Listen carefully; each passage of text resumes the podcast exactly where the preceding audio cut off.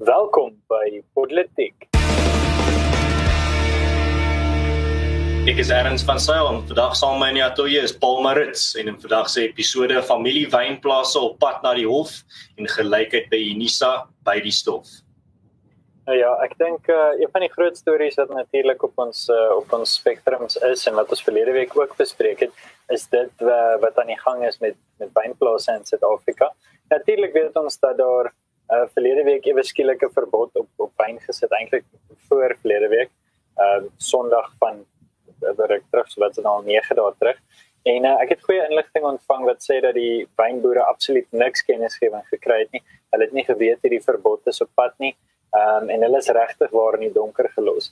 En natuurlik het 'n paar dinge gebeur veralnik dat hulle besluit het om op te tree. Nou uh, ek ek gee so 'n bietjie inligting. Uh omtrent 140 wynplase ehm um, wat deur uh, tientalle applikante verteenwoordig word. Ehm um, onder andere en ek dink hoofsaaklik die landbouorganisasie SAI ehm um, wat uh, wat uh, kan ek sê is wat gestig is deur Afriforum. Ehm um, is besig om homself vir die familie uh, wynplase te beywer.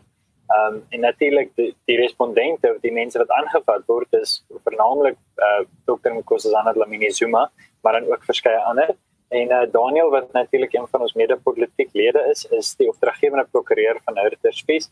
Ehm um, en uh, hy dryf ander weer hierdie saak. Nou net die agtergrondige erns wat eintlik hier aan die gang is is dat die regering ehm um, wynboere wat wat wat so groot deel van die ekonomie vorm veral in die Weskaap waar dit moeilik is om werk te kry. Daar's nie minerale nie, daar's nie goud nie en op hierdie stadium staan toerisme stil. So wynboere is in 'n groot mate 'n kritiese deel van van die ekonomie in 'n kritiese deel van die land en tog word hulle onder die bus gegooi. So wat ons hierso sien is is radikale kan ek sê agterloosigheid van die regering en weer eens vir die hoeveelste keer sien ons maar weer dat die ehm uh, dat die openbare sektor wel kom ons sê dat die publiek ehm um, moet optree teen die openbare sektor teen die regering ehm um, en weer eens word dit van die gewone burger van my en jou verwag om op te staan vir ons regte.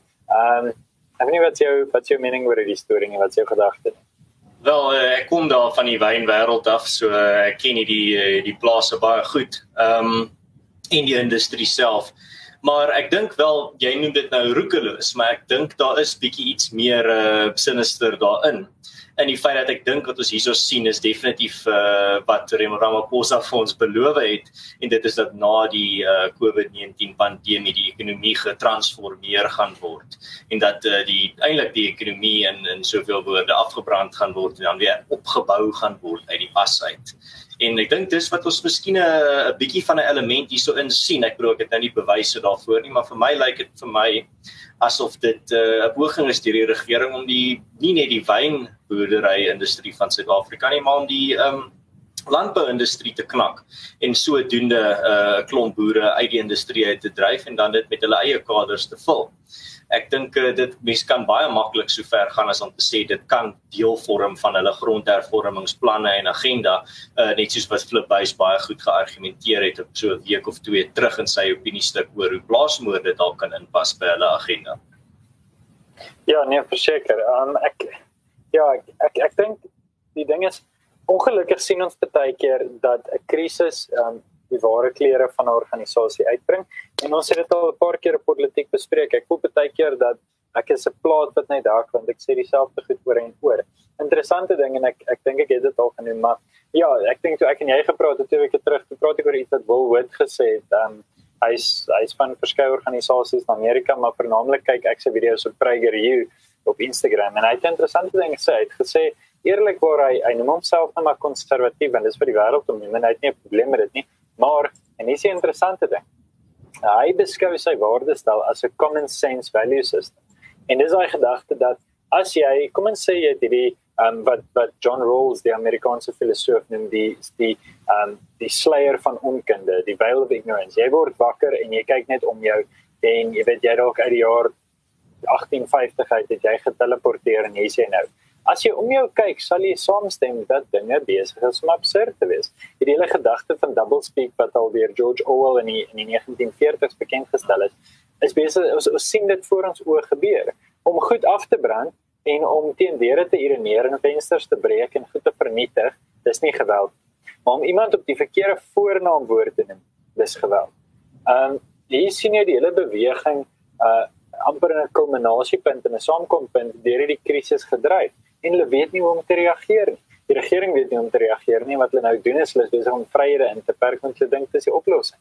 Ehm um, uiteindelik ja, dis goed dat organisasies is wat teen hierdie goed opstaan, maar is dit regtig nodig geweest om in die eerste plek hier te kom? Is dit regtig verstaan dit is net sinneloos. Dit is maar amper ek ek, ek weet amper nie hoe die regering homself kan regverdig om op hierdie manier op te tree nie.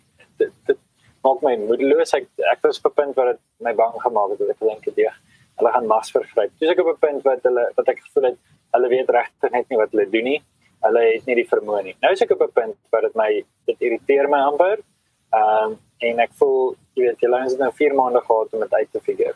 So nie geweet het wat om te doen teen begin Maart nie of teen einde Maart nie of teen begin April nie.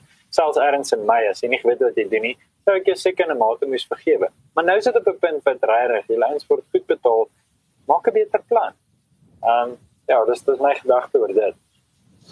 Ehm um, miskien kan uh, jy sê jy's bietjie uh, jy raak bietjie in twee geskeur tussen om te dink om te te dink dat hulle is onbevoeg of hulle is ehm um, uh hulle weet nie wat hulle doen nie en of hulle eintlik besig is om mag te gryp maar miskien kan ons 'n middelpunt daar vind en sê hulle is besig om te probeer 'n uh, magsgryp doen maar hulle is onbevoeg daarin. Ja. Ehm um, hulle sukkel daarmee. Maar maar ja, ek dink hierso iets wat ek al in in van my opinie stukke gesê het is as jy reg want ek sien soveel mense wat praat oor hulle kan nie verstaan hoekom die ANC dit doen nie. Hulle kan nie verstaan hoekom die ANC hierdie absurde beleid uh verdedig nie.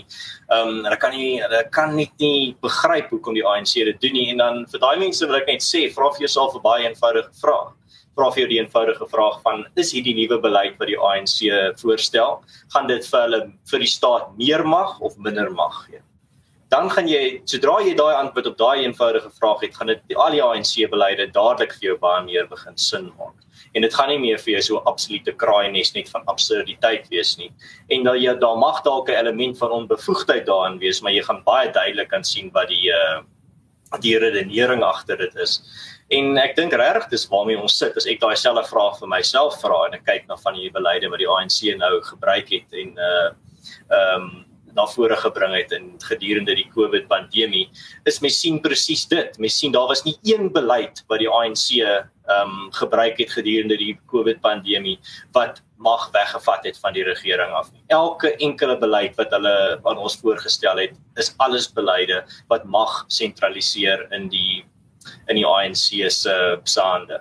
En ek dink dit is miskien waar die kern lê. En dan eh, ek dink as ons daarmee as ons daarna kyk uit daai lens uit en dit bietjie meer krities in terme van dit begin verstaan, gaan miskien hierdie beleide van die ANC en die denke van die ANC nie meer so absurd wees nie. Uh, dalk onbe, onbevoeg in sekere uh, omstandighede, maar miskien bietjie meer duidelik in terme van wat hulle probeer regkry. Ja, ek het ek het nou groot geskrik. Jy sou sien dat die deur agter my oopgaan is my vrou wat haar dragtekkies kom haal het en sy probeer om nie in die kamera in te gaan nie met dink ek sure hierdie deur gaan vinnig van self oop. Erns, ehm um, okay, ek het ek het verlede week in Durban hierdie hierdie selfde bespreking gehad. Ek sal vra jou opinie oor dit voor. Ehm ek is besig met hierdie boek. Ek het hom laasweek het ek ook gewys. Dis ehm um, an intellectual history of liberalism. Dis laat ek dit so stel ek uh, studeer by akademia en ons kyk na goed uit 'n Christelike perspektief maar dis 'n boek wat soort van as 'n teenwoord gestel word. Ek dink ja, professor Goosen het dit vir ons voorgeskryf dat ons 'n bietjie moet dink en soort van van die ander kant af kyk. En een van die interessante goed wat ek nou raak sien is hoe Thomas Hobbes en John Locke en die ouens ek het al baie oor gelees en ek het idees verstaan, maar die die denkwyse agter dit begin ek nou verstaan. Dat die geskiedenis van die weste se intellektuele denke word gesien ten minste deur sommige as hierdie wisselwerking tussen vrees en veil en vryheid. Of kom ons sê tussen veiligheid en vryheid. So aan die een kant het jy die gedagte dat as jy hierdie absolute regering het wat namens jou gaan besluit en hy gaan vir jou sê wat jy mag eet, wat jy mag koop, wat jy mag doen, dan gaan jy eintlik in 'n in 'n sekere mate verskriklik veilig wees. Want ehm um, jy weet jy het die absolute heerser en hy kan doodmaak wie hy wil en hy hoef nie rekenskap te gee nie. Hy kan jou beveilig, maar jy het bitterlik min vryheid na die ander kant toe. Ehm um, en ek dink dis miskien die kant waar ons vier ouens by politiek lê.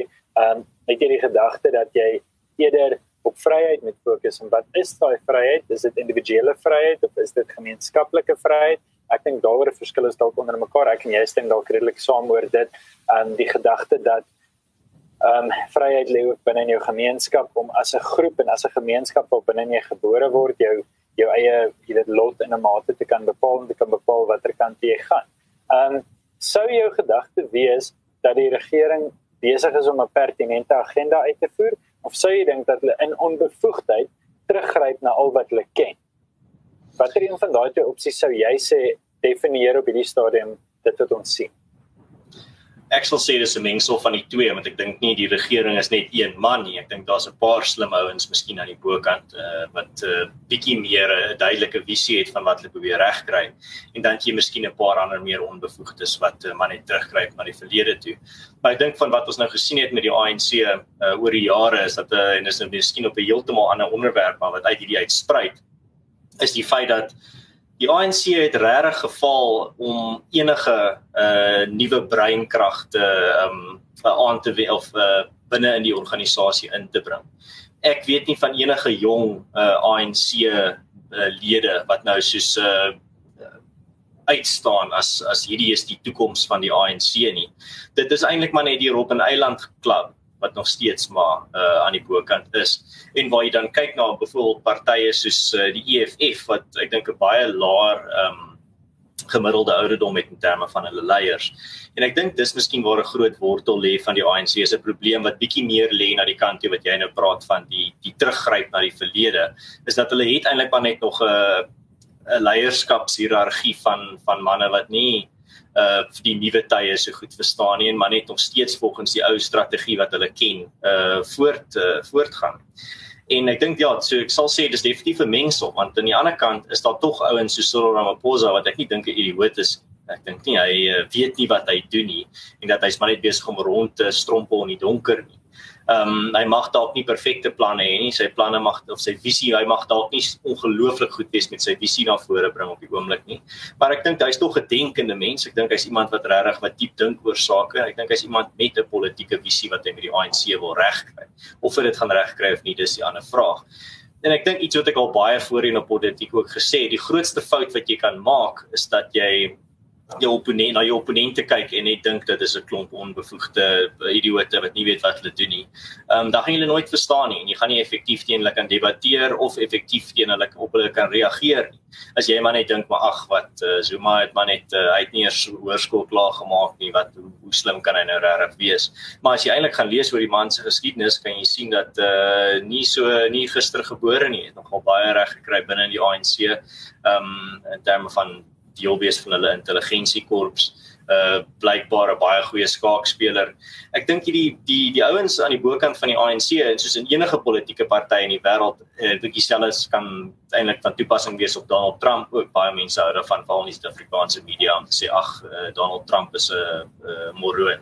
Hy is absoluut net 'n bobbejaan. Maar jy is jy gaan nie die die die leier van die mees kragtigste land in die wêreld word as jy 'n moroon is. Ehm um, jy gaan nie sommer sonder enige politieke agtergrond of regtig enige kans ehm um, daai posisie in die wêreld kry as jy 'n moroon of 'n idioot is nie. Ek dink dieselfde gaan vir die ANC.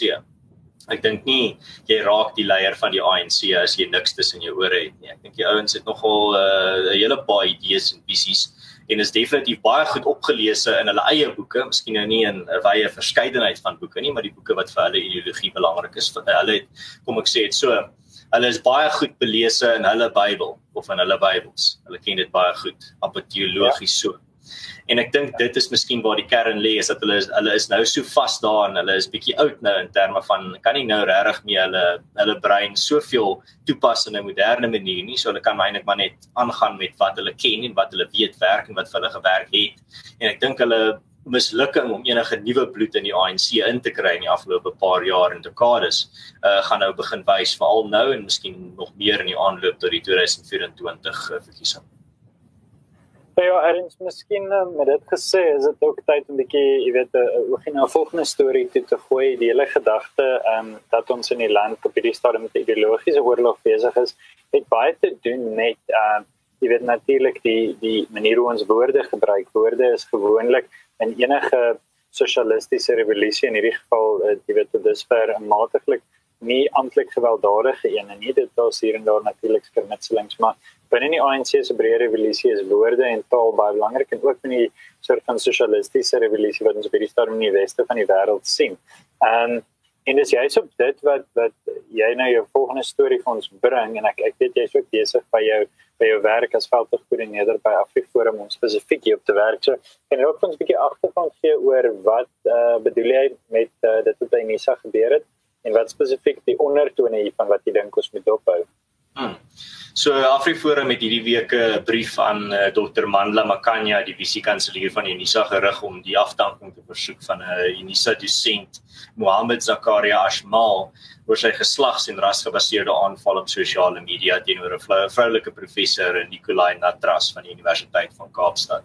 Um Ashmal is 'n uh, PhD student aan die Universiteit van Kaapstad. Maar wat ek gaan nou nie lees wat hy geplaas het op op Facebook nie, maar dit is regtig waaglik. Um maar hy het um, om dit op te som uh, hy daai hy het die wie die vroulike professor uh vergelyk met 'n uh, met haar hond. Hy het haar uh, ras in dit ingebring. Hy het haar um 'n paar afskuwelike goed genoem.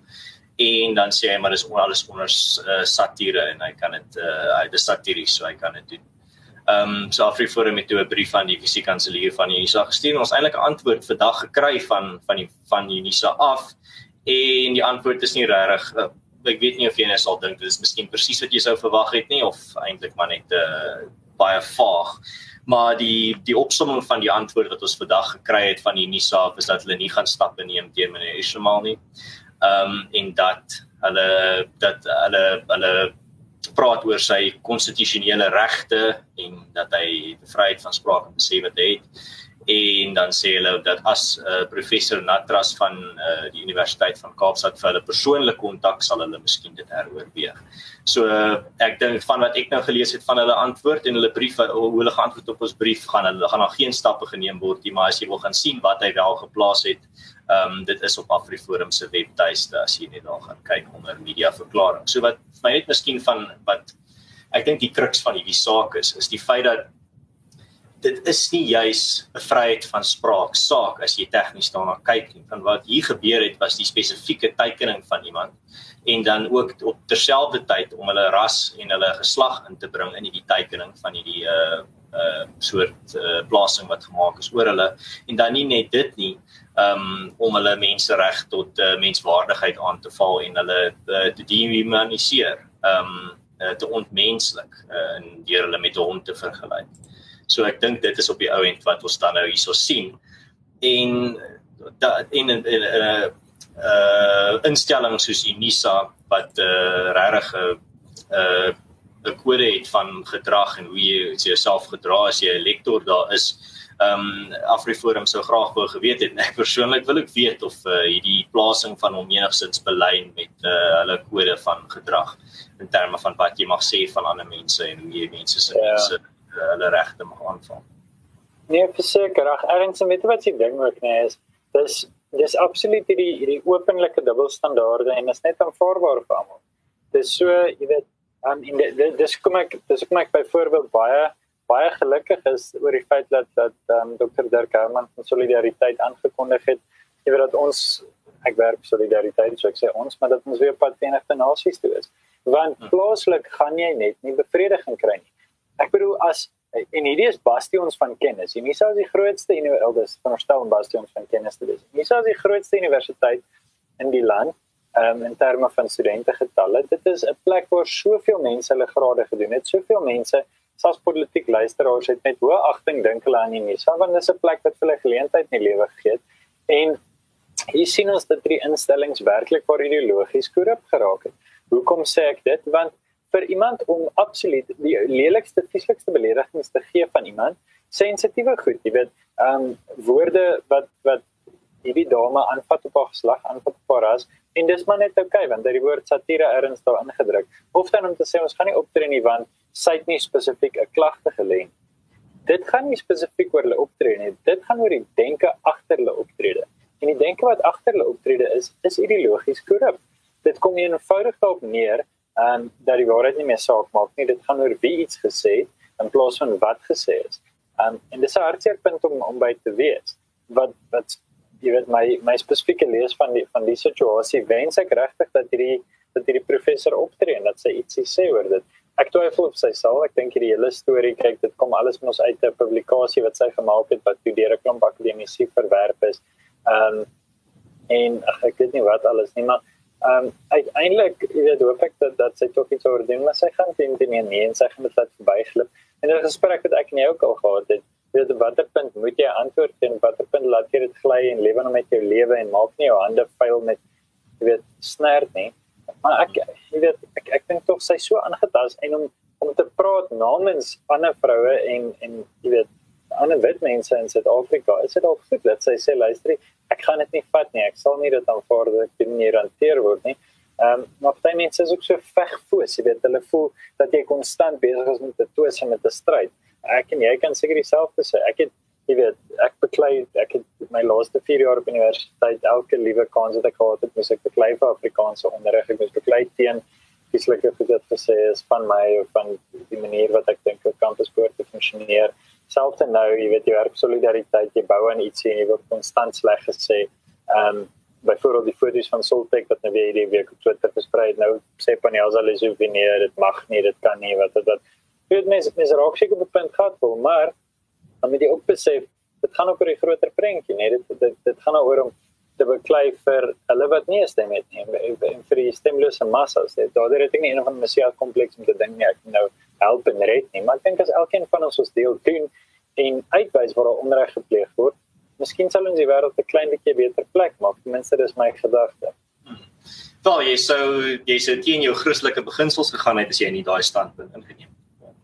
Maar dan ook wat ek dink ons moet oor gesels is definitief jy het dit nou daaraan geraak maar ek dink dit is nog dis baie belangrik is die idee van dubbele standaarde van wat wat ek hier gaan sien wat hier gaan gebeur dit, dit sal my voorspelling wees want ons kan teruggaan ehm um, in 'n in 'n toekomstige episode is wat hier gaan gebeur met hierdie dubbele standaarde nie net met sulke goed kom hierdie is nou dubbele standaarde in terme van iemand uh, te ontmens deur hulle met 'n die dier te vergelyk dit gaan veroorsaak dat in die toekoms nou sien wit mense dit.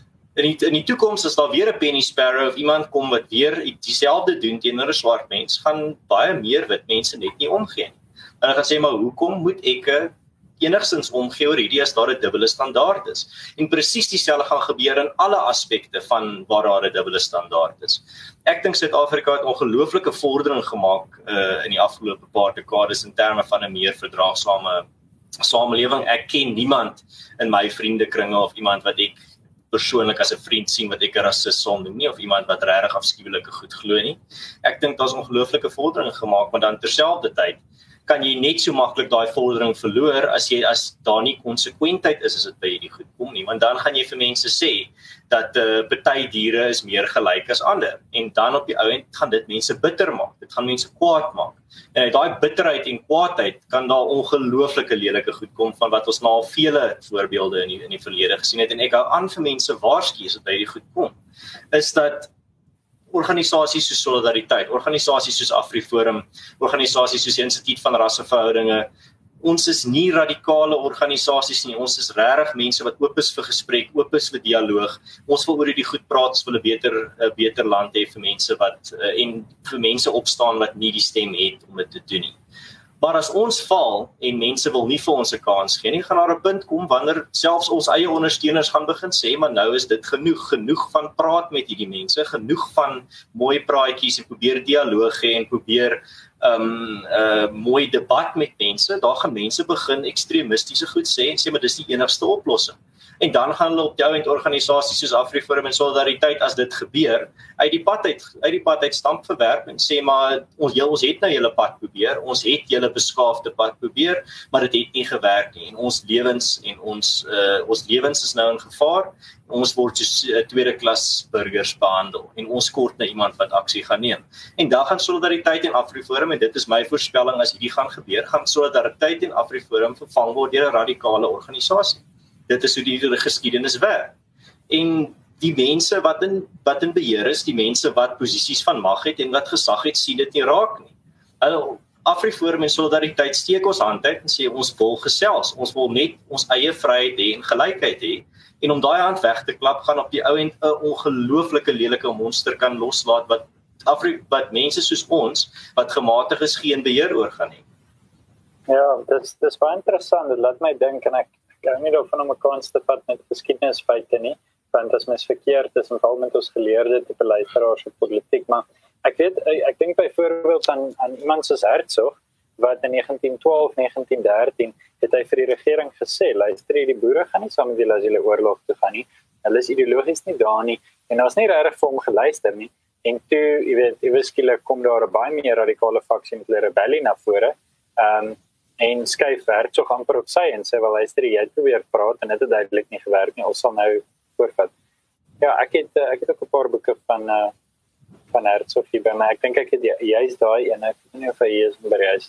Maar nou, wel, uh, my daai gewys het vir konteks. vir julle wat uh, vir julle wat net in luister, uh, erns het my beskerm die gedenkboek van generaal Herzog gewys. Nou ja, ehm um, miskien is dit 'n gepaste punt om die episode af te sluit soos die regering van hulle sinne beroof is, is ons vir eers van tyd beroof. Nou ons nooi jou as luisteraar uit om self bietjie te onnonsens hierdie gesprek voort in die kommentaar afdeling as jy ons wil ondersteun om ons bietjie beter toerusting te gee of as jy net hou van wat ons doen en ehm um, ons bietjie opstel wil gee, kan jy ons ondersteun op Buy Me a Coffee of op Patreon. En jy is ook welkom om 'n resensie te los met jou klagtes en gedagtes. Tot volgende keer.